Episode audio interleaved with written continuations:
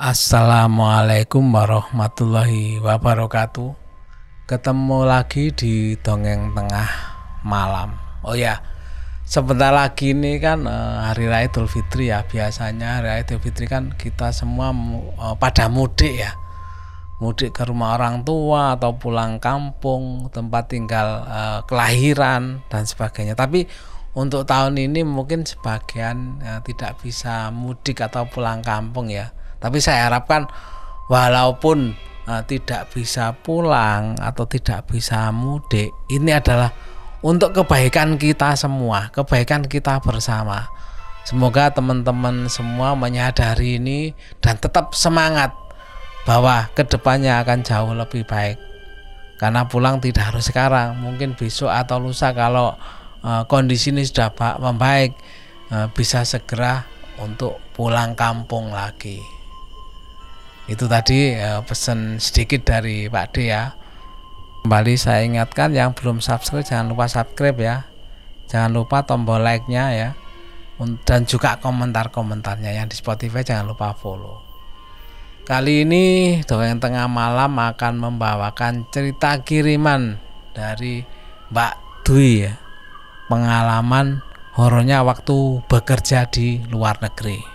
Langsung saja kita ke ceritanya Mbak Dwi ini ingin berbagi cerita tentang pengalaman horornya atau pengalaman eh, saat mengalami kejadian horor waktu bekerja di Taiwan. Dan cerita ini eh, sekitar terjadinya sekitar tahun 2015. Mbak Dwi ini bekerja di di Taiwan ya di sebuah panti bojo, oh, jompo. Jadi saat itu Mbak Dwi bekerja shift malam berdua dengan temannya. Sebut saja temannya ini namanya Nana ya. Nana bekerja di kamar nomor 1 sampai 22 sedangkan Mbak Dwi ini di kamar nomor 23 sampai 47. Sedikit gambaran mengenai lantai lantai tempatnya Mbak Dwi ini bekerja ya. Jadi di lantai ini itu terdapat dua balkon itu balkon pertama itu berada di kamar nomor satu.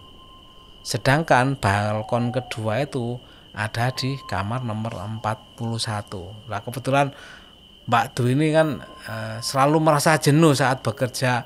Karena malam kan memang kondisinya sepi ya. Ya maklum lah kalau mungkin terjadi kejenuhan atau apa. Kecuali kalau siang-siang kan masih banyak orang yang lalu lalang lah. Kalau malam ini kan orang yang dijaga juga sudah pada tidur semua. Apalagi uh, tugas jaga ini kan hanya berdua aja. Dia sama Nana temennya waktu shift malam ini.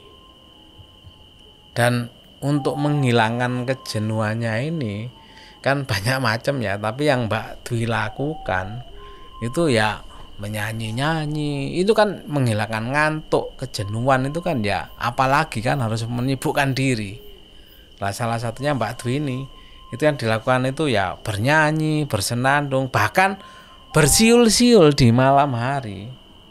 Tapi bagi Mbak Dwi adalah itu hal yang uh, apa ya bukan ya biasa cuma eh nggak sampai ada bermaksud apa-apa ya.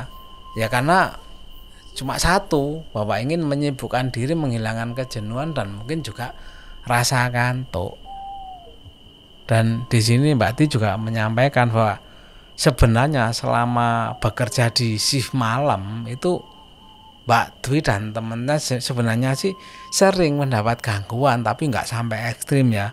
Gangguan tuh ada gitu loh. Tapi eh, Mbak Dwi dan temannya itu selalu eh, positive thinking. Mungkin ya mungkin mereka ingin kenalan. Anggapannya seperti itulah. Jadi jadi menghibur diri lah supaya nggak ada rasa takut dan akhirnya kejadian yang membuat Mbak Sri merasa terganggu atau takut itu dialami. Jadi saat itu oh, Nana teman shiftnya itu kan turun ke lantai 5 untuk membantu teman-temannya bekerja di lantai 5 karena memang pasien di lantai 5 itu keadaannya itu lebih gawat atau sudah parah lah Nah, saat itu kejadian eh, pertengahan bulan Agustus lah yang diingat Mbak Di ya. Di Taiwan itu ada tradisi istilahnya itu bulan bulan hantu atau perayaan bulan hantu lah. Nah saat bulan hantu itu kata orang Taiwan sih semua orang yang meninggal itu pulang ke rumahnya masing-masing untuk mengunjungi keluarganya yang masih hidup. Lanjut ke ceritanya ya. Nah saat itu eh, temannya Mbak Twinana ini kan eh, turun ke lantai 5 sedangkan Mbak Dwi ini akhirnya kan di lantai 6 itu sendirian. Karena teman teman temannya Nana itu turun. Walaupun sendirian tapi kan tetap Mbak itu ini e, melaksanakan tugas dan kewajibannya ya salah satunya itu ya ngontrol dan atau memberi makan dan minum ya ke kamar-kamarnya yang dihuni e, pasiennya ya saat itu Mbak Tu ini sedang berada di kamar nomor 41 sampai 47 ya sedang memberi minum kepada lansia yang menggunakan selang atau makan melalui hidung itu lah ya. Nah, saat memberi minum itu ada samar-samar seperti suara lonceng sembahyang, sembahyang bagi orang sana ya. Saat itu ya sekitar pukul satu dini hari lah. Ya Mbak Mbak Dwi dianggapnya oh, mungkin eh, terdengar dari sini ada yang sembahyang atau apa ya. Mbak Dwi ya cuek aja waktu itu. Waktu itu berpikir mungkin ya itu tadi ada orang sembahyang atau apa.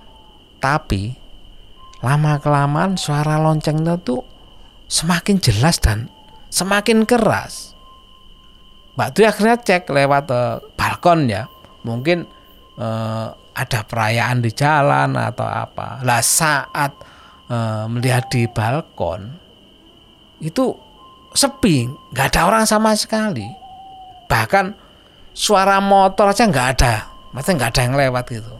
Dan saat itulah Mbak Dwi baru sadar bahwa kalau ini adalah tengah malam, mana mungkin ada orang sembahyang di tengah malam?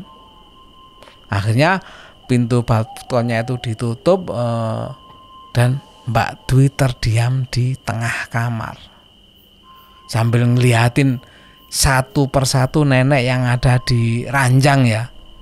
Mereka malah ngeliatin ke Mbak Dwi.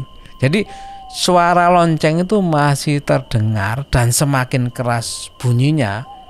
Dan Mbak Dwi pun mencoba cek setiap laci milik pasien mungkin ya. Eh, Mbak Dwi berpikir ada jam bekeran ditinggalkan oleh keluarga pasien atau apa ya yang di dalam laci. Ternyata nggak ada. Akhirnya Mbak Dwi tetap mencoba tenang dan nggak panik. Dan Mbak Dwi diem lagi duduk sambil jongkok dan yang dirasakan Mbak Dwi itu apa? Sesak nafas. Ya kenapa? Ada rasa takut kan? Dan suara lonceng itu serasa di atas kepalanya Mbak Dwi. Mbak Dwi langsung keluar kamar dan menutup pintunya. Mbak Dwi mencoba mengecek suara lonceng itu dengan cara apa? Menempelkan kuping ke pintu. Suaranya masih ada apa enggak? Dan saat pintu itu dibuka sedikit suara lonceng itu masih terdengar dan semakin keras bunyinya. Karena dianggap kondisinya sudah tidak kondusif lagi ya bagi Mbak Dwi ya. Mbak Dwi akhirnya telepon ke lantai 5 minta temen shiftnya Nana untuk segera kembali ke lantai 6 atau naik ya. Dan Nana pun akhirnya segera kembali dan Mbak Dwi menceritakan apa yang dialaminya tadi itu mendengar ceritanya tadi. Nana langsung e, ngecek ya suara lonceng itu dan ternyata nggak ada sama sekali. Sepi nggak seperti tadi yang bunyinya keras sekali menurut Mbak Dwi ini. Itu adalah cerita pertama yang dialami oleh Mbak Dwi saat sih malam. Setelah itu memang e, Mbak Dwi nggak merasakan ada kejang-kejanggalan ya. Sampai berselang sekitar satu minggu itu Mbak Di mendapat gangguan lagi dan yang ini bukan lagi mereka menunjukkan suara-suara eksistensinya ya tapi ini menunjukkan wujud. Jadi dan wujud tersebut itu menyerupai mandor ya yang uh, atau ke, kepala pengawas ya. Jadi mandor saya, mandornya Mbak Dwi yang bekerja di shift pagi.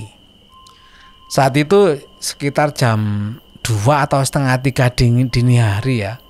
Jadi saat Mbak Dwi di lantai 6 sendirian tepatnya hari Minggu ya. Jadi Mbak Di itu sedang mencuci tong sampah dan saat nyuci ya biasa nyuci semua pintu kan tertutup ya. Jadi posisi nyucinya Mbak Dwi ini di gudang belakang. Sedangkan mandornya Mbak Dwi itu turun dari lantai 7. Jadi tempat e, Mbak Dwi tinggal kan di lantai 7 ya. Itu ke lantai 6. Karena melihat mandornya Mbak Dwi ini lewat ya, otomatis Mbak Dwi ini kan menyapa. Mbok, ngopo ya mini mudun? Oh, dalam bahasa Indonesia ya. Mbok, kenapa jam segini turun? Sem eh, sebutan mandor itu mbok biasanya panggilannya ya. Dan saat Mbak Dwi menyapa, itu tidak ada jawaban sekali atau enggak dijawab. Bahkan dicuekin saja sama uh, mandornya ini karena merasa nggak ada jawaban ya sama Mbak Tu ini dicuekin aja lah posisi pada waktu mandor di eh, di sapa Mbak Tu ini dia itu menuju ke tempat kulkas. Mbak Tu pikir bahwa mungkin dia mau ambil minum atau makanan. Pada waktu di sapa Mbak Tu ini kan cuek nggak ada balasan ya. Tapi dia itu terlihat senyum nyengir. Apa ya nyengir ya? Ya nyengir lah. Nah, saat dia tersenyum nyengir tanpa melihat ke arah Mbak Tui. Pandangannya itu melihat ke bawah. Ya sudah sama Mbak Tui ya dicuekin aja. Tapi Mbak Tui mikir kok lama banget di area kulkas tersebut. Bahkan sampai Mbak Dwi ini selesai mencuci ember sampah tersebut. Selesai semua, akhirnya Mbak Dwi cek ke arah kulkas, tapi dia nggak ada. Oh, mungkin ada di kamar 21 atau ngecek ke kamar 21. Dan waktu e, dilihat di kamar juga nggak ada.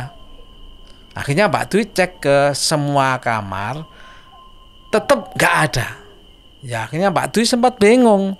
Di situ kalau dia ke lantai 7 harusnya kan lewat pintu utama atau naik lift kecil ya.